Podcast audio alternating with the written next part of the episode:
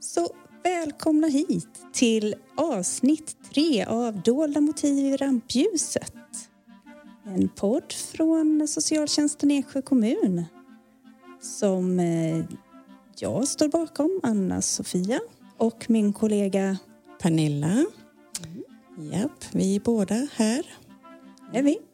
Eh, och idag ska vi prata kring hedersrelaterat våld och förtryck. Och i dagens Oh, avsnitt har vi en gäst. Ja. Eh, så är det. Eh, däremot är det ett, kan bli ett tungt ämne och vi vill varna för att man kan prata om sånt som upplevs obehagligt och kan vara lite känsligt. Mm. Och det kan man då bara eh, spela över eller spola förbi, Mm. som man sa förr i tiden. Så här.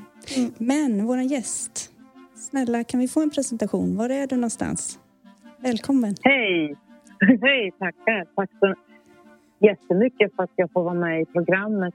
Eh, mitt namn är Hoda Jabari Brännerud och jag arbetar bland annat med hedersrelaterat våld och förtryck. Eh, jag arbetar inte inom socialtjänsten utan jag arbetar på den privata sidan där vi har eh, lite andra uppdrag. Och det är det som är så spännande också, tänker jag här, Mm. att eh, även vi som jobbar på socialtjänsten, att vi liksom kan få in liksom annan profession här som, eh, som du Hoda har, jobbar ju väldigt mycket med hedersrelaterat våld och förtryck. Så att jag tror att vi kommer få lära oss väldigt mycket idag också.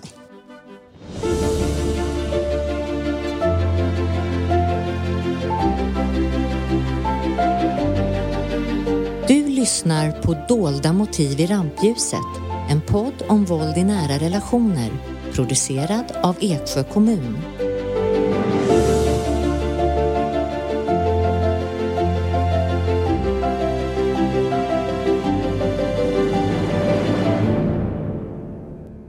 Sådär, då är vi tillbaka här och eh, vi har Hoda med oss och jag vill bara ställa den här första frågan.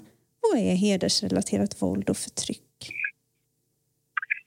Hedersrelaterat våld och förtryck skiljer sig på annan typ av våld kan man säga. För att det handlar om att det är grupper som utsätter individer.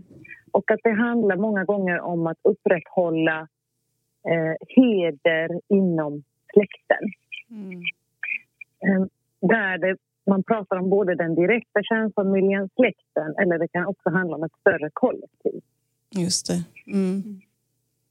Och det är där vi kan se skillnad om man tänker mot vanliga våld i nära relationer där det liksom är individen mer att partner mot partner. För jag tänker här som du säger Hoda så har vi ju liksom Förklara just vad, vad är kollektivt om vi nu ska gå ner på eh, särskilja det. Om man tänker kärnfamiljen eller familjen, det kan ju vara eh, mamma, pappa och syskon. Sen Mm. har du släkten, där har du ju ytterligare från pappans sida och mammans sida. Och sen har du också ett, samhälle kan man säga som du lever i. Eh, och det är där man kallar det för kollektiv, där det finns normer i samhället som gör att familjen också trycker på vissa Mm. eh, normer. Och många gånger handlar det här om kvinnans sexualitet. Just det. Eh, med det sagt också ska jag säga att det är många sexualitet överhuvudtaget inom hederskulturer är den väldigt central både utifrån eh, killar och män som utsätts men också kvinnor. Mm. Ja precis. För Jag här, tror att vi kommer säkert komma vi- in på det. Mm, ja, precis. För här pratar vi inte bara nu om mäns våld mot kvinnor utan eh, det som du har beskrivit tidigare, liksom att det kan vara en mormor, en farmor eller morfar eller en farfar i, Precis. i det här kollektivet. Mm. Mm. Och det är, där man, eh, det är därför de här uppdragen som socialtjänsten får bli så mycket mer komplext. Att det handlar inte längre bara om att titta på individen och den närmsta Mm. släkten utan man måste vidga och hotet, förtrycket och våldet kan också vara från någon annan som inte ens är här i Sverige. Ja. Ja, Så det gör det hela mycket mer komplext. Mm, mm. Jag har varit med ett, ett, en tjej där det faktiskt var mormor som tvingade hennes pappa Mm. att utsätta henne för eh, hedersrelaterat våld Mm. i form av både fysiskt våld, psykiskt våld och social kontroll och att hon inte skulle ha på sig det hon ville, ha vänner som hon ville, att hon skulle ingå i ett äktenskap som mormor tyckte.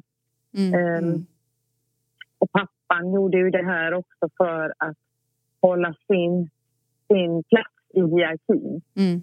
Mm, det, för att det, det är som det vi också kan med hedersrelaterat våld och förtryck att det är en hierarki i, i, i kollektivet så att säga. Där har du ju liksom ett överhuvud och så sätter man liksom kvinnan på pedestalen och hon, henne ska man liksom upprätthålla. Eh, Precis. Och Mm. många gånger kan det vara att de som är utövare också är offer för att Mm, de mm. inte, eh, de kanske inte alltid vill göra det här men att de måste göra det här för att inte själva bli utsatta. Mm, mm.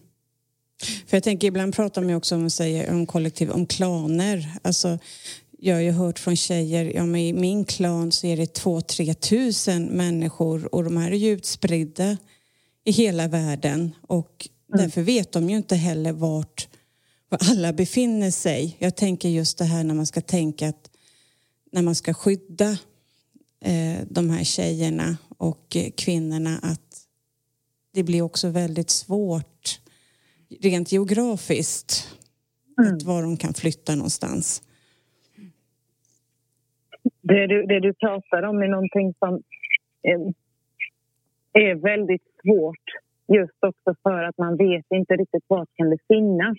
Mm. Eh, människor som kan ha en koppling till släkten och familjen. Mm. Och vi som jobbar mycket med det har ju lite koll på men kommer man från den här släkten och har kanske det här efternamnet, vi kan se att man tillhör den här och då ska man undvika det här området. Mm. Men det är inte alltid lätt utan i de lägena tycker jag alltid det är bra att konsultera eh, de som har den kompetensen.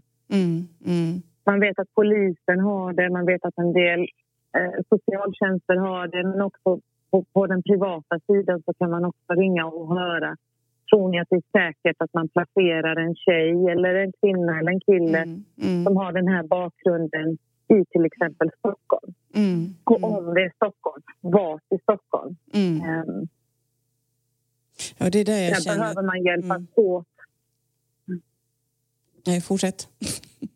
Men du, du sa att det är det jag känner. Nej, men det är liksom att det är just det där att jag upplever att det är så viktigt just det här med att vi som jobbar på socialtjänsten som utreder detta just att man kollar av nätverket mer kanske än just vad de är utsatta för. För det har de ju redan beskrivit. Det är därför de kanske har kommit till oss antingen via en orosanmälan eller att de själva har tagit kontakt med oss. Eh, att man just att det är nätverket och vilka är det som är farliga i nätverket. Eller är jag ute och cyklar? Vad, vad, vad tänker du? Alltså, Nej, jag tycker inte, nej, jag tycker att du är... Du säger någonting som är väldigt viktigt som, som jag ofta reflekterar över. Det är när vi utreder vanliga fall inom socialtjänsten då tittar man på individen, man lyssnar på individens berättelse och man undersöker behov. mm, Eh, här handlar det väldigt mycket om nätverket. mm, Det individen säger ska vi veta att den personen har levt och vuxit upp i en tystnadskultur där man inte avslöjar. Eh, och där man fortfarande har en ambivalens när man sitter där på socialkontoret där man vet inte ska, vad ska man lämna ut eller inte. För det sitter så djupt i en att man inte skadar sin egen släkt och sin egen familj. mm, Därför är det viktigt att man tittar på nätverket mm, eh, och, och leta efter mönster mm, eh, och sammanhang där för att få en helhetsbild. mm, Till exempel så om inte personen själv vill berätta att den är riskerar att bli bortgift mm, eller har ett arrangerat äktenskap så kan man ställa frågor som har du någon i din släkt som har gift sig med någon som inte Mm. de vill? Alltså det är också ett sätt att nätverket är jättecentralt i, mm, mm, när vi undersöker hedersrelaterat våld och förtryck. mm, mm, Vi vet ju att många som blir kända, socialtjänsten har också många andra släktingar som mm, kan både leva skyddade och som lever under förtryck eller där det finns en pågående liksom planering för något bröllop eller sådär som, Mm, som, mm, som kan tänkas väcka misstankar. mm. Jag kände att du också tog upp något viktigt, just det här vad vi kan fråga är om det är någonting som finns pågående. Eh, för oftast tror jag väl att de, även, jag vet inte om de kanske får direkt till sig att nu håller vi på att planera ett bröllop för din kusin som är 16-17 år till exempel. Och så kanske det är en tjej som är 15. Kan man tänka sig då liksom att om en, två år då kanske de börjar planera bröllop för henne? Ja. Det är väldigt vanligt eh, scenario och särskilt de här som redan har en släkting som kanske lever skyddad. Då ökar pressen Mm, på mm, de som är kvar vilket gör att många av dem tvingas att göra saker för att kompensera för det här dåliga ryktet som har uppstått kring släkten. För det är också Eller något jag tänker vi kan, vi kan förklara kring just hedersrelaterat Mm, våld och mm. förtryck. Att ibland kan det bara räcka med ett rykte. Mm. Ja. Det, jag har faktiskt pratat eh, flera gånger när jag har gjort skyddsbedömningar där, där tjejerna säger, de flesta jag har stött på är tjejer men även killar, men Mm. där de har sagt att jag var verkligen inte där på den platsen där de sa. Mm. Ehm, utan det var, det var någon annan som har sagt det och det räckte. Mm. Och hon sa till och med min familj visste att jag var hemma då under den tidpunkten när de säger att jag hade befunnit mig på en Mm. nattklubb och kysst en kille. Nu tänker jag på ett specifikt fall där den här tjejen hade varit hemma. Och Mm. det där räckte för att kontrollen, hoten ökade mot henne. Mm. Mm. Så man behöver inte göra mycket, och man behöver inte ens göra någonting. Det Nej. handlar hela tiden om hur man uppför sig, Mm. eh, Mm. hur man klär sig, hur man pratar, vilka man pratar med. Man kan, om, om en person pratar med en, en annan person som har dåligt rykte så Mm. får den också dåligt rykte. Mm. Okej. Ehm. ja, ja, okej. Och när jag säger dåligt rykte, det kan vara mycket falska rykten Mm. Mm.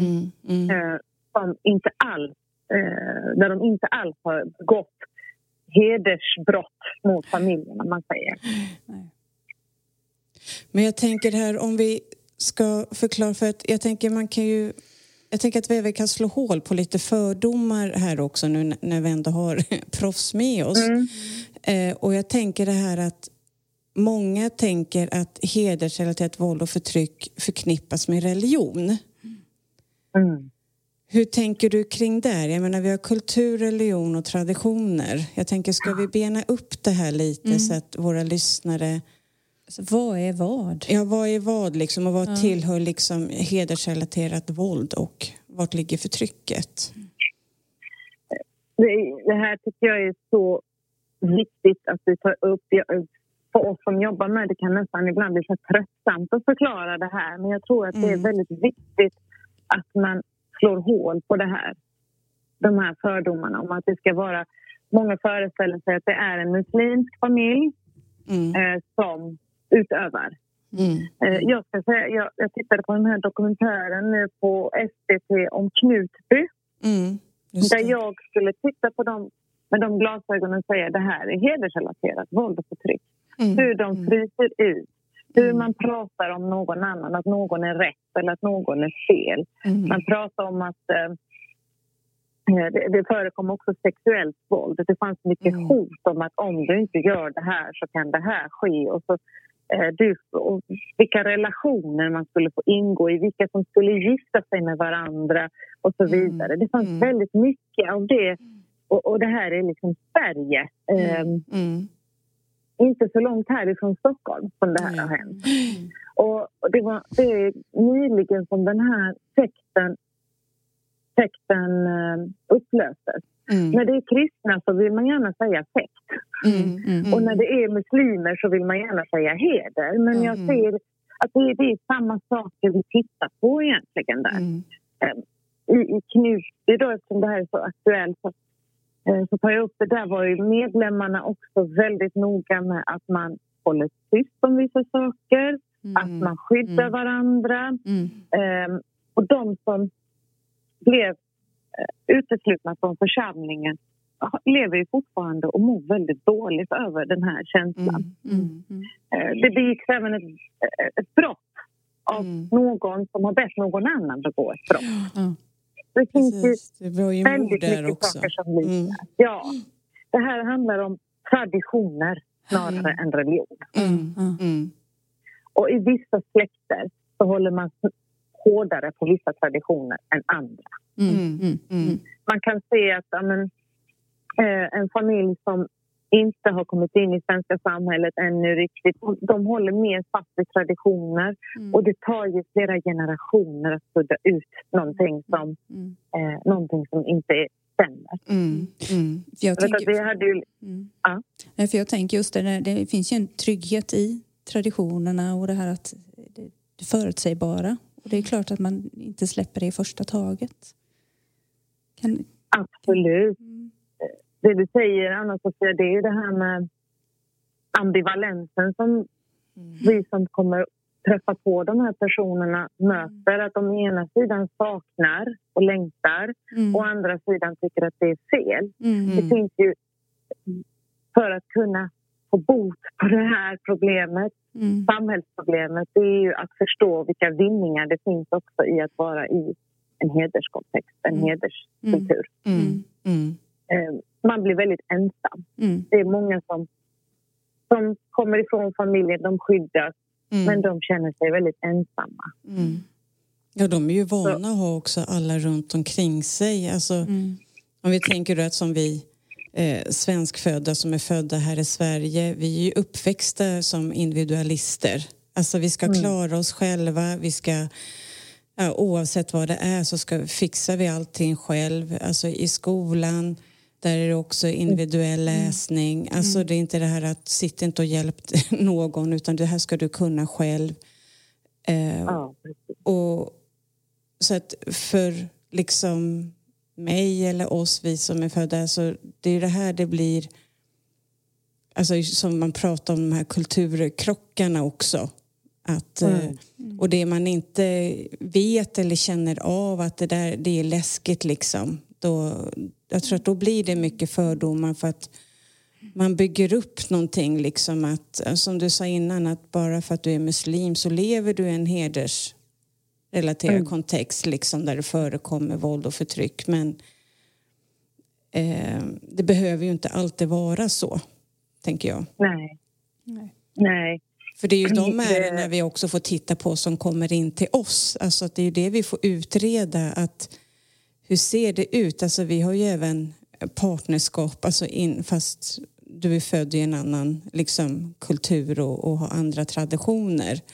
Så behöver inte betyda att släkten är inblandad i detta för att om vi säger nu att en ma- man slår en kvinna eller en kvinna slår en man. Mm. Och det är där jag tror att det är så viktigt att vi måste ta bort även fördomarna alltså inom socialtjänsten också. Att eh, här, vi, vi måste utreda ordentligt Mm. just för att Och- få bort det. Mm. Man måste också vara, vara klar med skillnaden i vad som är hedersrelaterat våld och förtryck Mm. och vad som är mansvåld. Mm. Jag tror att det är en man som kanske har ett eh, muslimklingande namn att då kan man direkt tänka att det är heder. Men det behöver faktiskt inte vara det. Det behöver inte vara att han har en hel, en hel släkt bakom sig. Nej. Utan han kan till och med vara en utfryst person. Och då pratar Mm. vi om, om, om mansvåld. Mm. Mm. Mm. Eh, och att det är väldigt viktigt, inte bara för professionella men även för eh, allmänheten att förstå att det behöver inte handla om alltid om det man tänker sig utan man måste testa för olika glasögon och vara noga med Mm. eh, och se vad det är. För generaliserar vi hela tiden då hamnar vi, kan vi hamna i, i fällor där vi riskerar antingen åt det ena hållet för mycket eller den andra hållet för mycket. Att vi inte hittar. eh, Mm. Att, vi, att vi också riskerar att de inte får rätt stöd.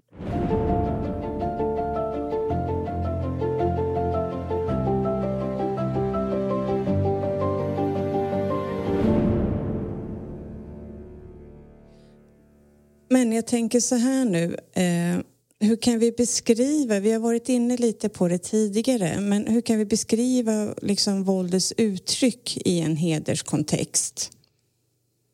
För det kan ju också röra sig om många olika slags handlingar liksom så, men vi vet ju egentligen vad vi pratar om, men hur ska vi kunna beskriva det utåt?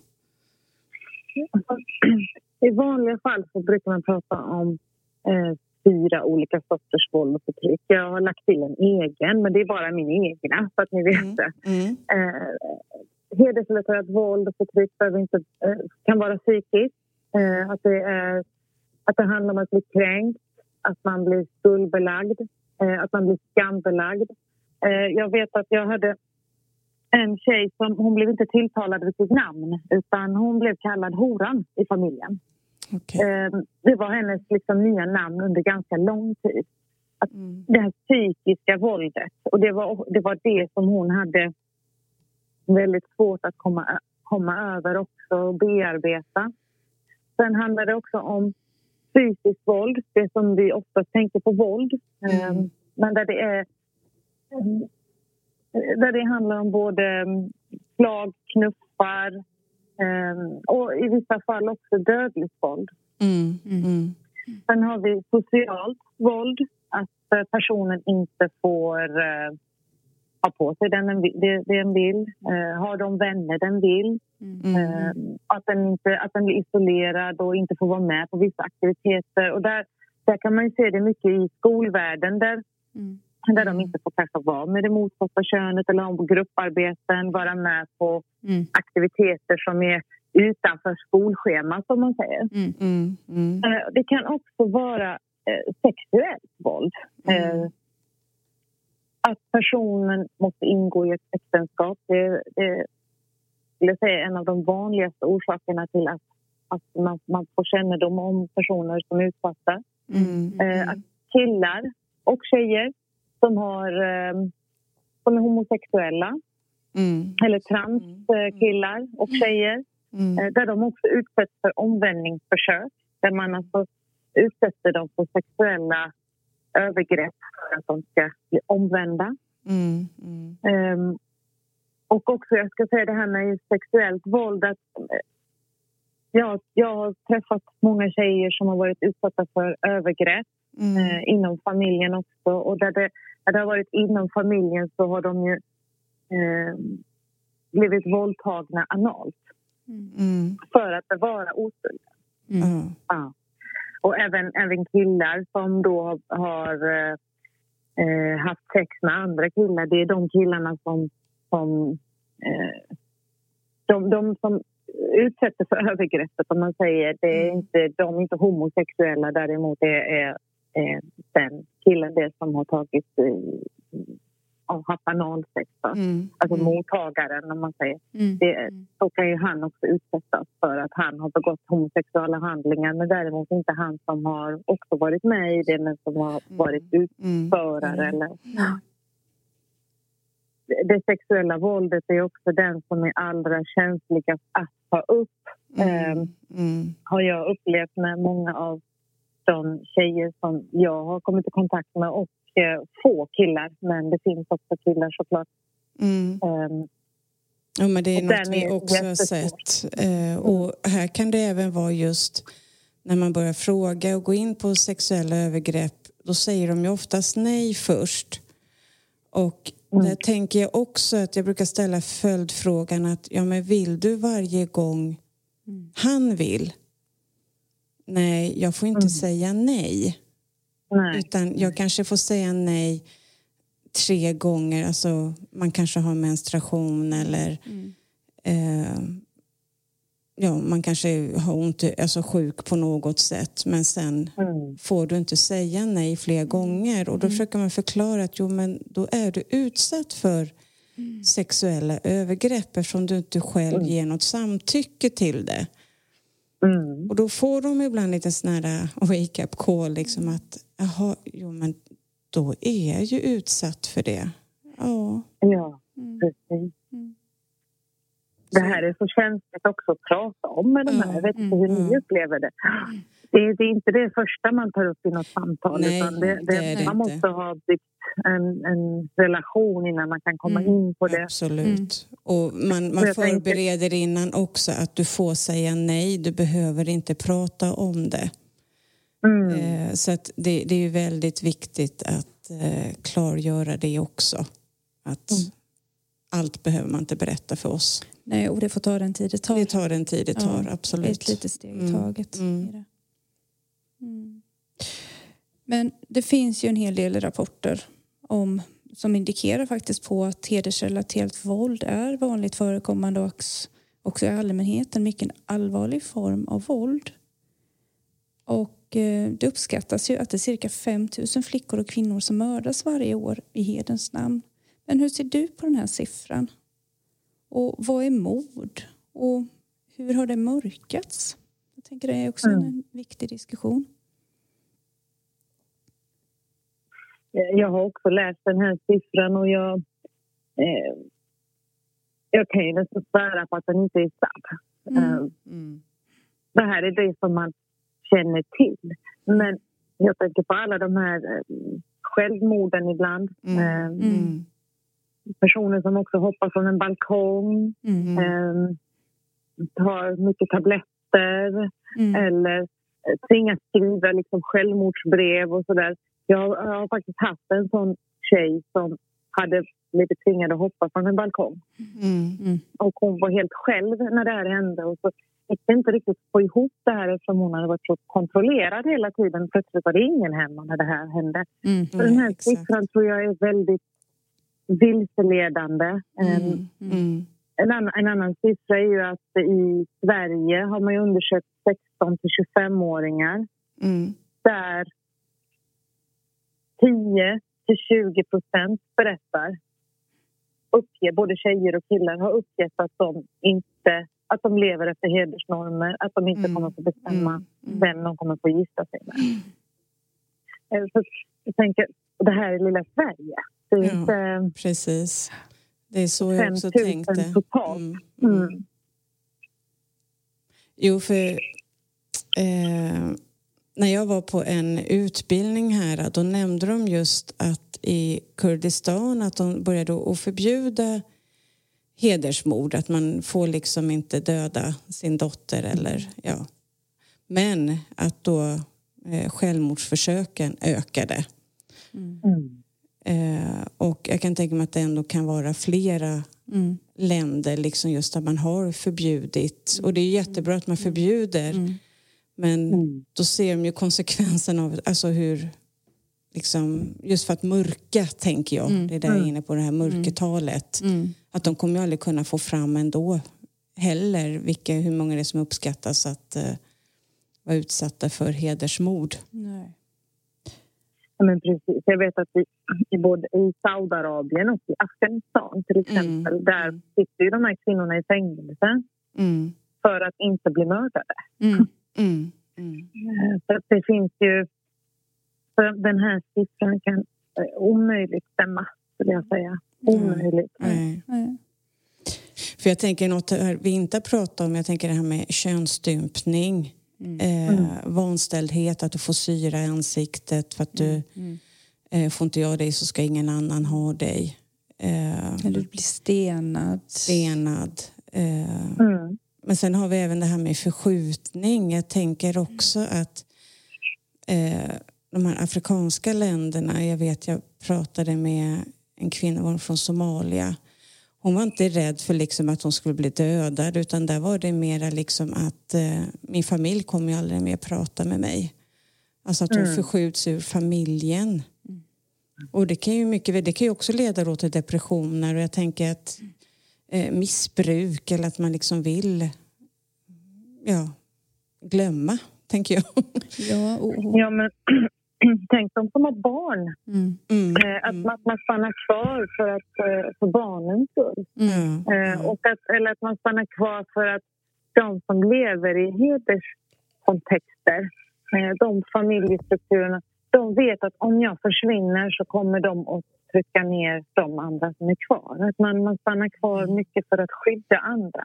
Mm. Mm. Ehm, för de har också fått höra att titta nu, den där hände den där, den där familjen och eh, deras dotter gjorde så här och så. Och så. Att man, man, man skadar också för att skrämma mm. eh, gruppen. Mm. Och det gör också att det är ännu svårare att kliva ur där för de vet vad som kan hända dem. Mm.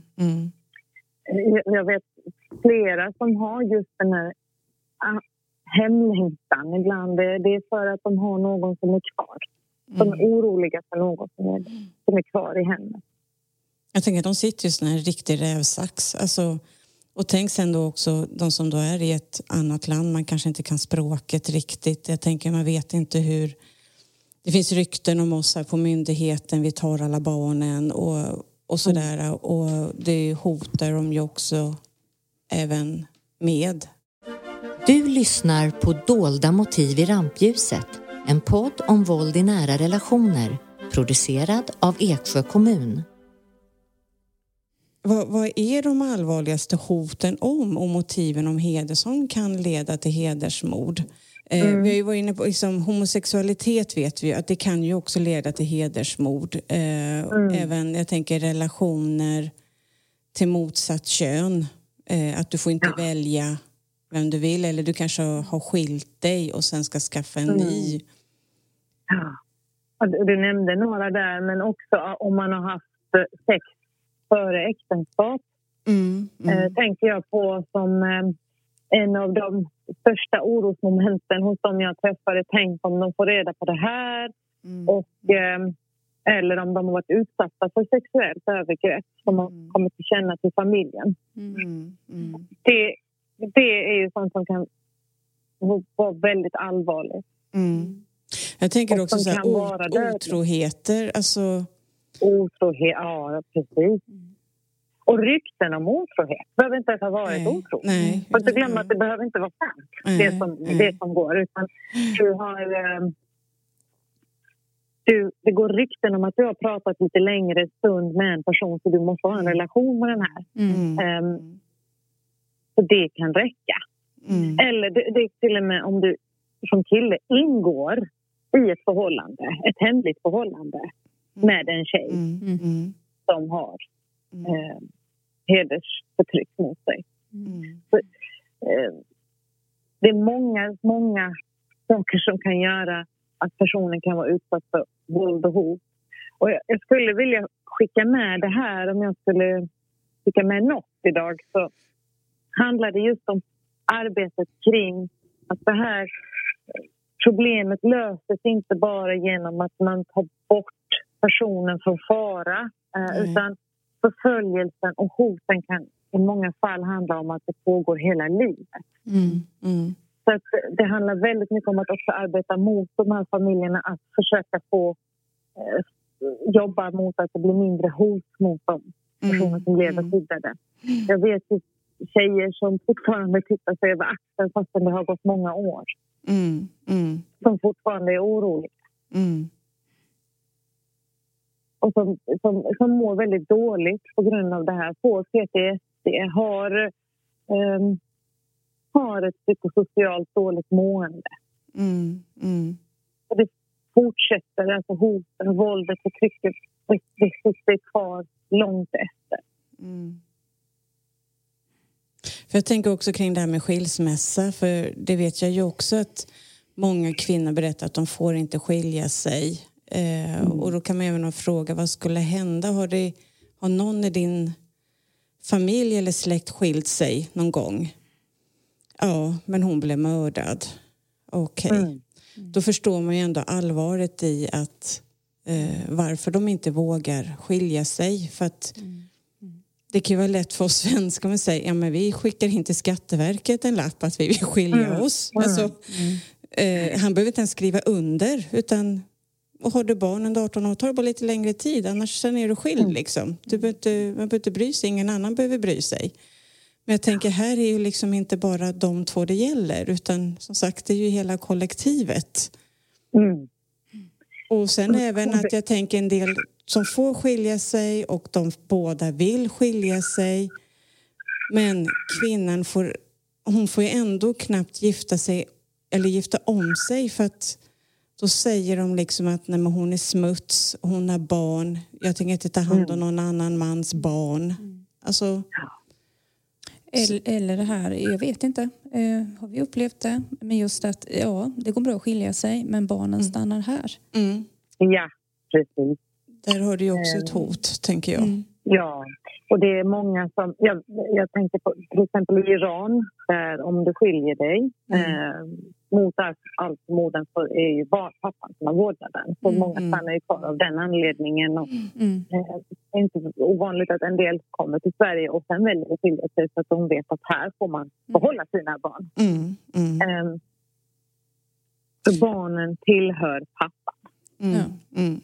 Jo, Ja. men det har man ju hört eh, Ja. väldigt mycket och vi försöker förklara att, hur systemet då fungerar i Sverige. Men jag förstår ju att det, det kan inte alltid vara lätt för dem och ska de lita på detta system då? Vi kan ju inte heller säga att ja, men det är klart att du får barnen. Alltså han kan ju, det är ju tingsrätten, alltså det är ju eh, rätten som bestämmer detta. Vi kan inte gå in och säga att jo, men så här och så här kommer det att bli. Mm. För det vet vi egentligen inte. Jag menar, det är många kvinnor som vi har sett med barn eh, på skyddat boende där det har framkommit liksom fysiskt våld både mot liksom kvinnan och barnen. Men ändå blir det dömt med gemensam vårdnad. Mm. Så att, Det här det, det är ett samhällsproblem. mm, mm, Det här är ju ett samhällsproblem och vi vet att det är, det är så mycket svårare när man har barn mm, mm, också för de här eh, som är utsatta. mm. Eh, Och som sagt, det här kan ju bli med dödlig våld. Alltså utgången kan ju bli fruktansvärd i, Mm. i de här ärendena. För hur ska de kunna ha gemensam vårdnad? Och, jag menar, han kan ju inte träffa henne. Och Mm. hon är ju rädd att får han barnen nu så kommer han ta med dem utomlands. Alltså det är ju den största Mm. rädslan som jag upplevt de här kvinnorna har just. De som eh, skiljer sig, det går igenom, man, de kan vara på ett skyddat boende och de är trygga där men sen blir det en gemensam vårdnad. Hur, mm. hur ska det liksom ske på ett tryggt och säkert sätt? Där kan väl jag se en stor problematik faktiskt. Ja, och det, det kan... Det, här händer ju. Jag vet ju att i, i Sverige så eh, har man ju kommit in med en ny lag kring just hedersrelaterat våld. Mm. Eh, och att man har gjort det mer brottsligt, att det ska straffa sig mer. Till exempel att om man ska... ehm, att man får utreseförbud och sånt. Än så länge vet jag inte hur mycket man har tillämpat den här lagen just i de här fallen där det handlar om risk för att man blir bortgift eller att, eh, ehm, att man blir könsstympad eller någonting sånt. Mm. Men det har blivit... Man, man ska bli straffad ifall motivet är hedersrelaterat våld så ska det straffas högre. Mm. Mm. Så det är ett sätt att försöka nå det här. Men Mm. ett annat problem är ju att, att få personer att berätta om det här. Mm. Mm. Mm. Den är ännu svårare. Mm. Eh, Det, det handlar ju många gånger om att bygga en relation och man måste förstå att de här fallen tar mycket mer tid eftersom den är relationsbyggande från första början. Det handlar jättemycket om att få förtroende. Mm. Personer som har precis kommit, kanske nyanlända, som har eh, misstankar om myndigheter. De litar inte på myndigheter överhuvudtaget. Det är därför de många gånger har flytt till Sverige. Så att det Mm. blir väldigt Mm. svårt för socialtjänsten att bygga upp det här förtroendet först för att Mm. få fram all information. För att eh, det är inte alltid... Eh, man- blir väldigt misstänksam. Mm. Och i, en del av de här fallen som om kvinnan nu vill skilja sig och så ska det sitta en tolk med. Mm. Mm. Hur eh, en tolk som kanske kommer från samma land och samma klan till och med. Mm. Eh, att det finns liksom känsligheter också i de här uppdragande fallen där man måste, man måste ge det tid och man måste tänka. Man måste vara flera som också arbetar med en och samma person om man säger Mm. för att få helhetsbilden. Mm. Och jag tänker där när du kommer in på tolk också. Eh, vad, vad är det man kan tänka på liksom när man jobbar som vi då på socialtjänsten eller de som kanske arbetar på ett skyddat boende, eh, Migrationsverket. Alltså vi har ju ändå att vi som kommer i kontakt med de här kvinnorna, vad, vad, är det vi kan tänka på när vi ska boka en tolk? Alltså vi kan ju ringa telefonnummer, vi vill ha tolk på arabiska och så är det klart. Men mm. för kvinnan är ju inte det lika kanske självklart eller den eh, flickan eller pojken som är utsatt att vem, vem vill de kanske prata med? Alltså för jag tror mm. det är mm. det som är det är ju viktigt det också tänker jag. Inte alltid, men för det mesta så skulle jag säga kvinnlig tolk om det är en kvinna. Mm. Mm. Eh, jag skulle också säga att det ska vara en tolk som kan socialtjänstspråket som man säger för att det inte mm. ska bli missförstånd. Mm. Och att man har samma tolk. För dels behöver tolken bygga upp ett förtroende mm. och dels behöver vi bygga ett förtroende. Så det är därför de här tar mer tid. Um, jag har själv varit med när tolkar har tolkat fel mm. för att jag har förstått eh, språket. Ja, jo, tack. och förstått att oj då, det här mm. var ju mm. fel. Mm. Eh, det finns så mycket annat i, i språket som eh, för gester, miner. Det är så svårt när man inte själv förstår vad den andra berättar. Mm. Mm. Det är viktigt att tolken också kan förmedla kroppsspråket eller det budskapet som den vill, att den använder rätt begrepp. Mm. Att man inte pratar om att någon är bortgift utan man pratar kanske kring arrangerade äktenskap. Mm. Att, man, att tolken har kulturen med sig. Mm. Eh, mm. Vi, vi, har ett, eh, ett familjebehandlingsuppdrag nu där vi har valt en kvinnlig tolk som har jobbat inom socialtjänsten. Mm. tolkat mycket för socialtjänsten och som inte kommer från samma land men som kan dialekten. Just det. Mm. Så kommer man från samma land så tänker den personen att mm. det kan vara någon som har en samhörighet med någon annan i min släkt. Mm. mm. Att vi har tänkt det steget också. Mm. Mm. För att kunna minimera eh, riskerna och för att också göra det mer öppet för, för, för samtal. Och det här är en telefontolk, inte plasttolk. Nej, Nej precis. För det, det är ju liksom, jag tänker att som sagt, de är ju redan utsatta i sådana känsliga situationer så ska vi börja prata om sådana känsliga ämnen. Mm. Alltså det, och så kanske då en manlig tolk ska mm. liksom mm. översätta. Tänk om vi ska gå in då på kanske sexuella övergrepp eller skilsmässa, alltså sådana saker. Då. Och eh, visst, jag, ibland har det ju gått bra också. Eh, det som mm. jag ibland har upplevt att de faktiskt har varit på motpartens sida. Men, eh, det, men man vet ju aldrig vilken tolk det är man får. Vi har haft de här som också har missförstått helt och sagt att socialtjänsten ska ta dina barn nu idag. Och, man ser, och så kanske man bara har ställt en fråga hur barnen mår.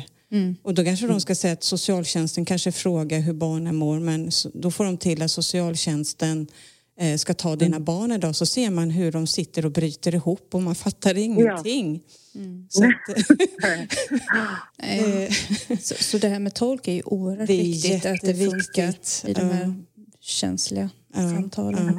Ett tips skulle vara att man försöker använda sig av de tolkar som man känner och som man mm. har jobbat med. Mm. Mm. mm. Men, men, men sen finns det ju också, ibland så är det här akut, det är bråttom. Ja. Mm. Eh, det finns mm. inte möjlighet att få tag på kanske just den tolken eller sådär och då måste man ju få veta det, det akuta. Mm. Mm. Då, då, måste man ju göra det man måste. Men sen att man senare i arbetet kan, kan eh, eh, vara lite mer noggrann när man väljer ut en tolk. Mm. man kan också faktiskt mm. fråga vad, vad tycker du? Vill du ha en kvinnlig tolk? Vill du ha en manlig tolk? Mm. Mm. Känner du någon tolk redan som, som du har förtroende för? Eh, så att det kan vara såna här men aldrig låta släktingar tolka. Eller vuxna Nej. barn eller äldre barn. Nej. Eh, det, det, kan hända att de, det, den frågan kan komma från familjer att men vi mm. vill att mm. storebror tolkar och nej, mm. säger jag till det.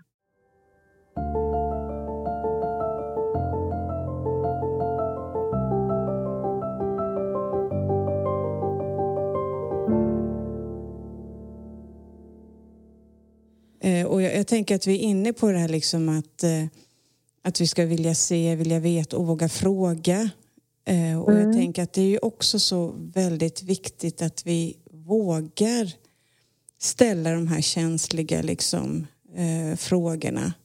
Men jag tänker det här, hur tänker du med socialtjänsten och kunskap kring heder? Alltså vi förstår ju att det är viktigt men du som ändå jobbar, varit på skyddat boende mm. och nu familjebehandling. Hur tänker du kring just eh, kunskap och så? Hur ser du på socialtjänstens kunskap om man säger? Jag mm. knappt jag får fram här men ja. Den är väldigt varierande mm. kan jag säga. Jag har upplevt både ris och ros ibland. Mm. Och, och sen, vi, vi har ju ett, ett svenskt kan man säga så. Mm. Att vi mm. ställer raka frågor och så vill vi ha raka svar. Och så, mm. eh, och det, så kan man inte heller förvänta sig. För här handlar det mycket om att bygga upp relationen först och prata kring saker. Man pratar mm. inte rakt på om saker. Mm. Mm. Vilka ord man använder. Mm. Som det här med bortgift. Mm. Eh, det är väldigt, väldigt kränkande för den mm. personen att höra att man har blivit bortgift. Det betyder att du vanhedrar min släkt när du mm. frågar mig en sån här sak. Mm. Utan att prata om hur, hur de själva, hur de träffade, hon träffade sin man och hur hennes syskon träffade sina partner, hur hennes föräldrar träffades. Och mm. Att man pratar lite kring de här sakerna. Men man ska också våga fråga de här sakerna som är känsliga. Mm. Mm. Eh, men också med timing. Timingen är jätteviktig. Mm. När kan man gå in på de olika sakerna? Eh, jag kan, jag kan ibland... Eh, jag har frågat, istället för att fråga men skulle de mörda dig? Så, skulle jag, mm. så har jag ställt frågan vad tror du skulle hända om du gissar? Mm. Kan du gissa hur det skulle vara för dig mm. om din familj kom på att du har haft sex med, med, innan äktenskap? Kan du gissa? Eller att man pratar om någon annan. Mm. Har det hänt kanske något hedersmord i familj eller i släkten tidigare? Om de själva har, tagit, upp, om de själva har tagit upp det, att men min pappa mm. kommer mörda mig om man vet det här. Okej, okay, mm. har det hänt, vet du om, om det har hänt tidigare i din familj? Ja, min mm. farbror dödade min kusin. Mm. Eh, då vet man ju, ja, då, då är de där, då har de liksom då finns det. Och det tänker jag att det är ju väldigt allvarligt eh, som man kan ha med i bedömningen. Mm. Jag tänker på det du säger, har det begått hedersmord? Mm. Heder är inte heller ett ord som är... Eh, det är någonting vi har hittat på, mm. att det är hedersrelaterat våld. Mm. Mm. För dem är det bara ett... Det, det, det är en, det är en norm. Ja. Mm. Så att, att fråga är det hedersrelaterat våld så kanske man inte alltid får svar på den frågan. För att de förstår inte att det är hedersrelaterat. Det är något som vi har hittat på för att vi ska mm. begripa mm. vad det här handlar om. Mm. De pratar om heder, de pratar om eh, regler. Eh, man pratar om, om, det, om samma sak fast med olika ord. Mm. Jag tänker begränsningar kanske? Kontroll? Ja, precis. Ja. Jo, för jag tror också att det är viktigt att man uttrycker liksom, vad är det egentligen jag vill ha fram. Liksom. Och innan man kommer då kanske ifall någon har blivit dödad på grund av något så tror jag väl också att det är rätt att använda eh, rätt ord och mm. uttryck men ändå med respekt. Ja, alltså, jag, tror... ja, jag tänker att sätta sig in, alltså känna in i situationen och vara med den individen man sitter. Mm, mm. Söka sig fram. Mm. Ja, men gå lite på magkänsla. Ja. Du lyssnar på Dolda motiv i rampljuset, en podd om våld i nära relationer, producerad av Eksjö kommun. Jag, jag tänker här också att vad, vad, saknas mellan, om vi säger ett skyddat boende och socialtjänsten? Upplever du att det är någonting du känner att det här borde ni i socialtjänsten liksom eh, uppmärksamma eller fråga om eller utreda om? Jag kan säga att det som jag ibland kan sakna det är att, att man eh, väldigt ensam i de här ärendena själv som mm. handläggare och att man inte har någon direkt handledning. Att där har ju vi en helt annan på den privata sidan där vi, där vi diskuterar de här sakerna, där vi är flera som reflekterar. Eh, där vi också stöter på de här mycket oftare än vad Mm. kanske enskild socialsekreterare gör. Att man ska också våga prata om de här sakerna tillsammans Mm. för att kunna... Eh, oftast blir ju vi som tar emot eh, de här utsatta personerna, vi får väldigt mycket mer information. Vi har väldigt mycket eh, barnperspektivet säger nu, eller den utsattes perspektiv och att man måste ibland, och och socialtjänstens roll blir ju familjen, Mm. eh, att de håller koll på familjen. Och där kan jag tycka att samarbetet ibland behöver vara tätare. Mm, mm. Och jag, jag tänker också det här pojkar på skyddat boende. Jag tänker då tonåringar. Alltså att det kanske är en, en mamma som behöver fly eh, till exempel med sina barn. Och så har du en 14-åring. Eh, där har ju vi sett att det är inte så jättemånga som tar emot 14-åriga pojkar. Utan Nej, och jag, just jag, jag tänker ja. ibland kan det vara så att pojkarna måste ju ta över de andra männens roll i att Mm. förtrycka. Så det finns ju alltid risker med, med det och att man behöver, precis som man också intervjuar mamman, att man också intervjuar barnet, Mm. pojken. Mm. Mm. för att också få eh, kunna göra en så rättvis risk och skyddsbedömning. Mm. Det kan hända att pojken tycker att mamman nu gör saker som inte är rätt eller att hon pratar telefon med personer hon inte ska göra Mm. eller att mamman har plötsligt skaffat sociala medier.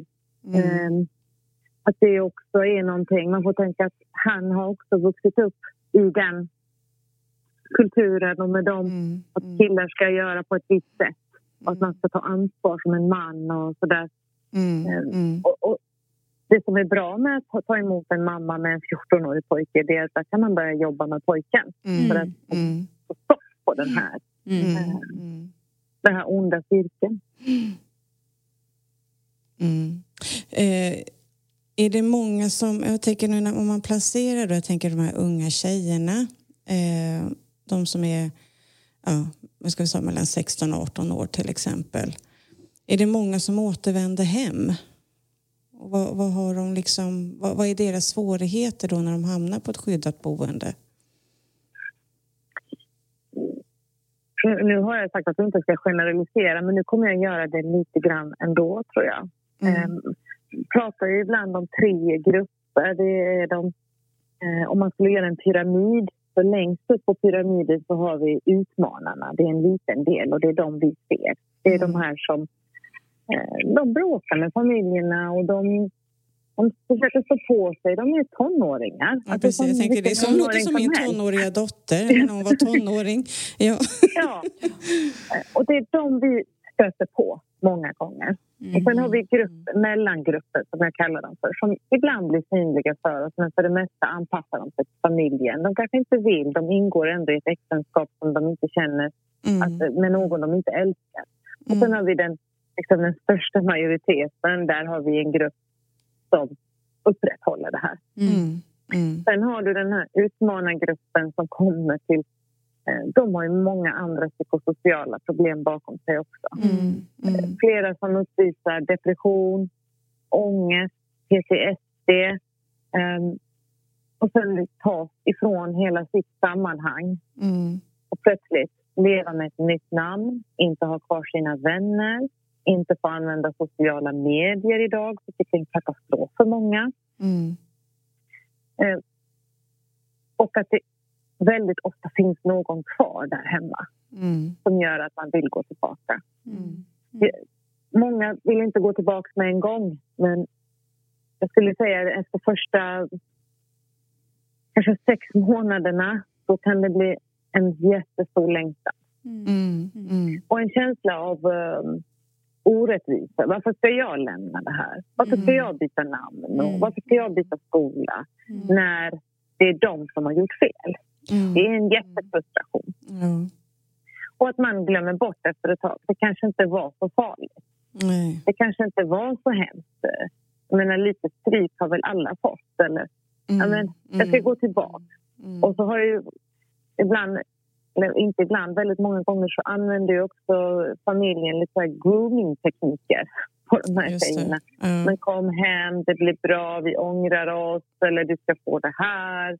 Mm. Um, vi lovar att du ska få gå ut mer. Och, uh, eller det kan handla om att din pappa är sjuk och högt blodtryck tack vare dig. Alltså mm. den här mm. skam och skuldbeläggelsen hela tiden mm. pågår. Och så det är klart att man vill åka hem.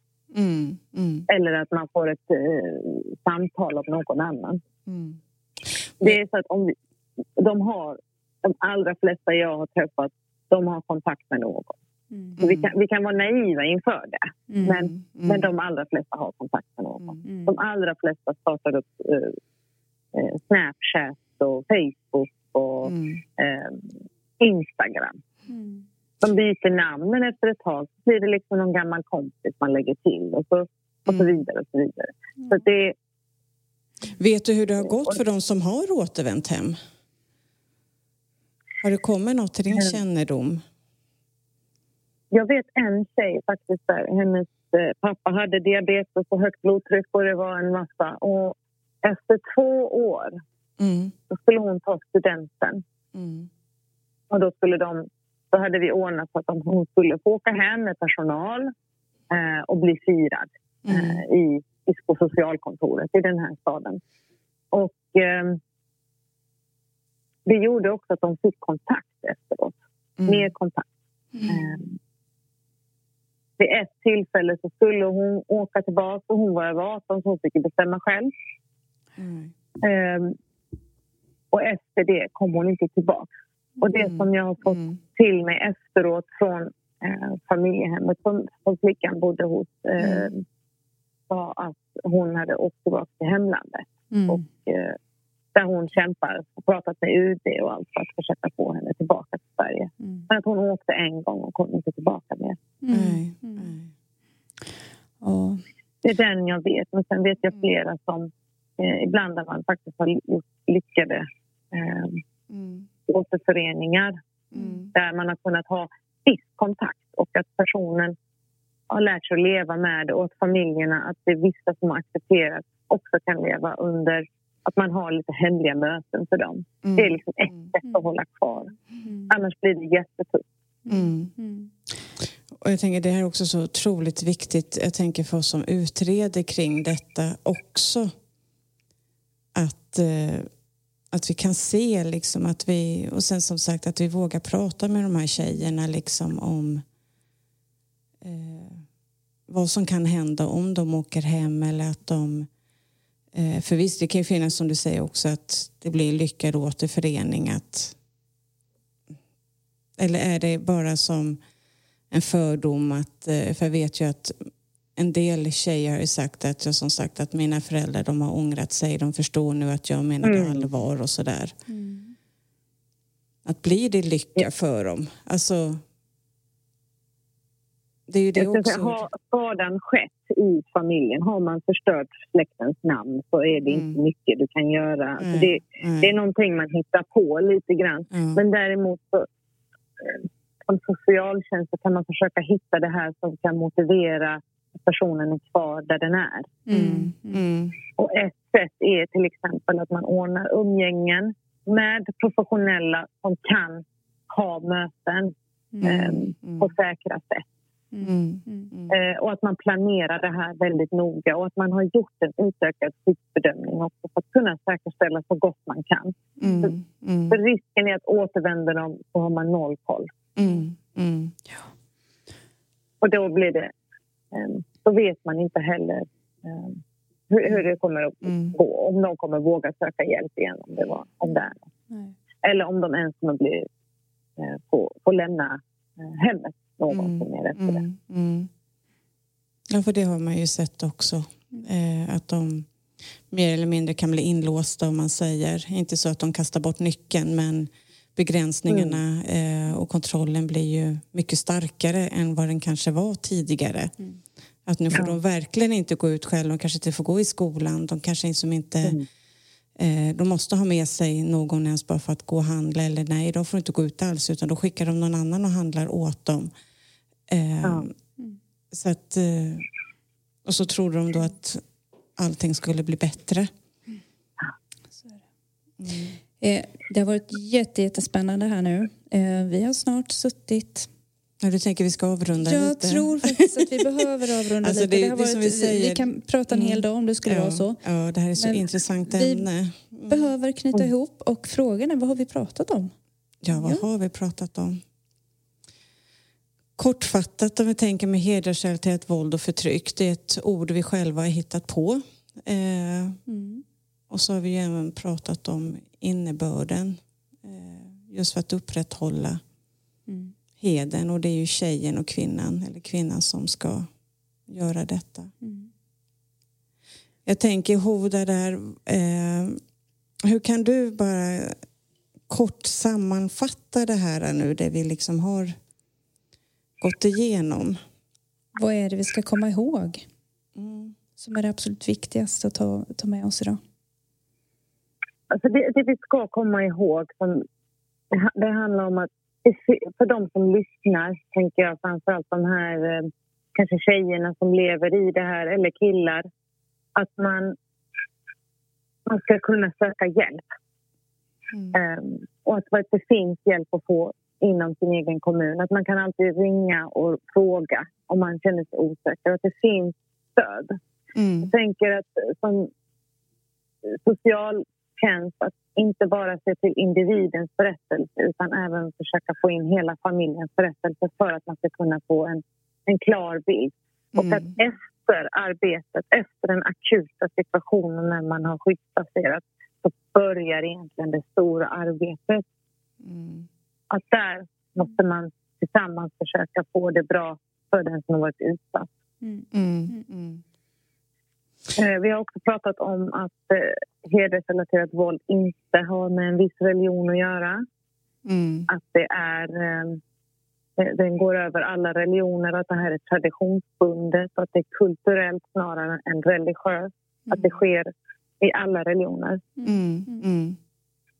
Eh, Ja, jag, jag tror att det var... Jo, men det är också här att vi ser inte bara att det är mäns våld mot kvinnor utan att här kan faktiskt eh, huvudpersonen vara en mormor som vi sa innan eller en farmor, en farfar. Som sitter i en helt annan del av Ja, som världen. är, ja, precis. De kan sitta i hemlandet men ändå styra familjen som kanske befinner sig eh, på utspritt också i eh, Mm. Europa eller världen. Så att eh, de behöver liksom inte vara i samma stad. Och det är det jag också tror är viktigt för oss som tänker skyddsplaceringar och, och skydda.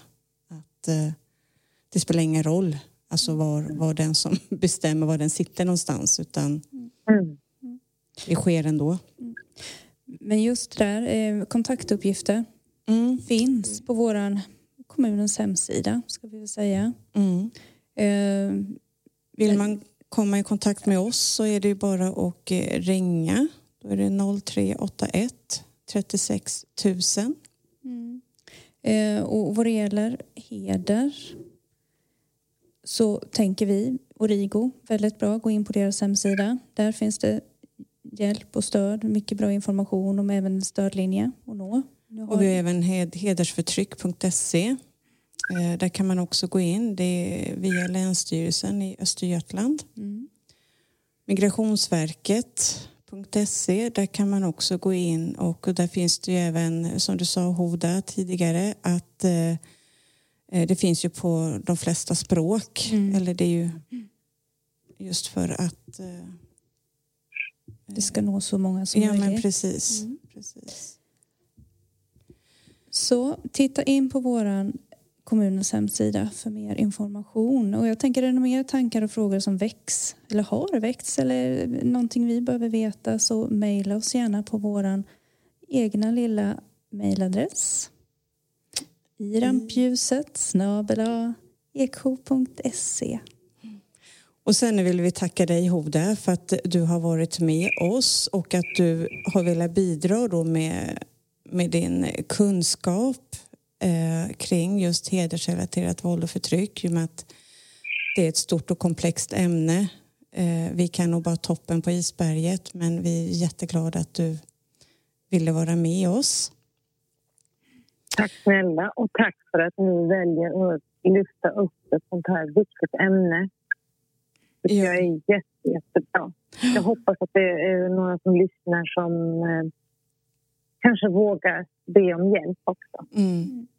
För vi sa det att i nästa avsnitt så kommer vi fortsätta att prata om hedersrelaterat våld och förtryck och då kommer vi med oss en gäst som varit utsatt för detta och även då bryter sig loss från en eh, våldsam relation. Så att det kan också, det kommer bli jätteintressant och är jättestarkt av den tjejen som eh, också vill eh, vara med oss. Och eh, fortsätt att lyssna och stödja oss i kampen att sprida kunskap om våld i nära relationer. Så, och så tänker vi då nu att vi ska få lyssna på Pernilla när hon ska avsluta med en liten dikt. Liten kanske jag inte ska säga. Ehm, den citeras ofta. Och det är Karin Boye som anges som upphovsman. Så tack för idag. Och så på Tack åter- själva. återhörande. Ja, så får ni ha det så jättegott. Och tack extra, Hoda, för idag. Tack Hoda. Tack. Mhm. Tack så mycket. Tjingeling! Varför ska man älska den man ändå aldrig får? Varför tändes i mitt hjärta kärlek vid så unga år? Varför skulle vi väl mötas? Varför korsar du min stig? Ödet förde oss tillsammans. Säg mig, varför träffade jag dig? Jag har kämpat, jag har lidit smärtans bistra kval för dig. Du kan väl inte hjälpa att du inte älskar mig? Jag ska älska dig för evigt, dig för evigt och hålla kär. Älska blott och tåligt, lida fast jag nu förskjuten är. Trots att hjärtat ska förblöda, inget hindra kan dess kval. Endast döden kan oss lösa ifrån denna jämmernsdal. Den som älskat aldrig glömmer, den som glömt ej älskat har. Den som älskade och glömde visste ej vad kärlek var.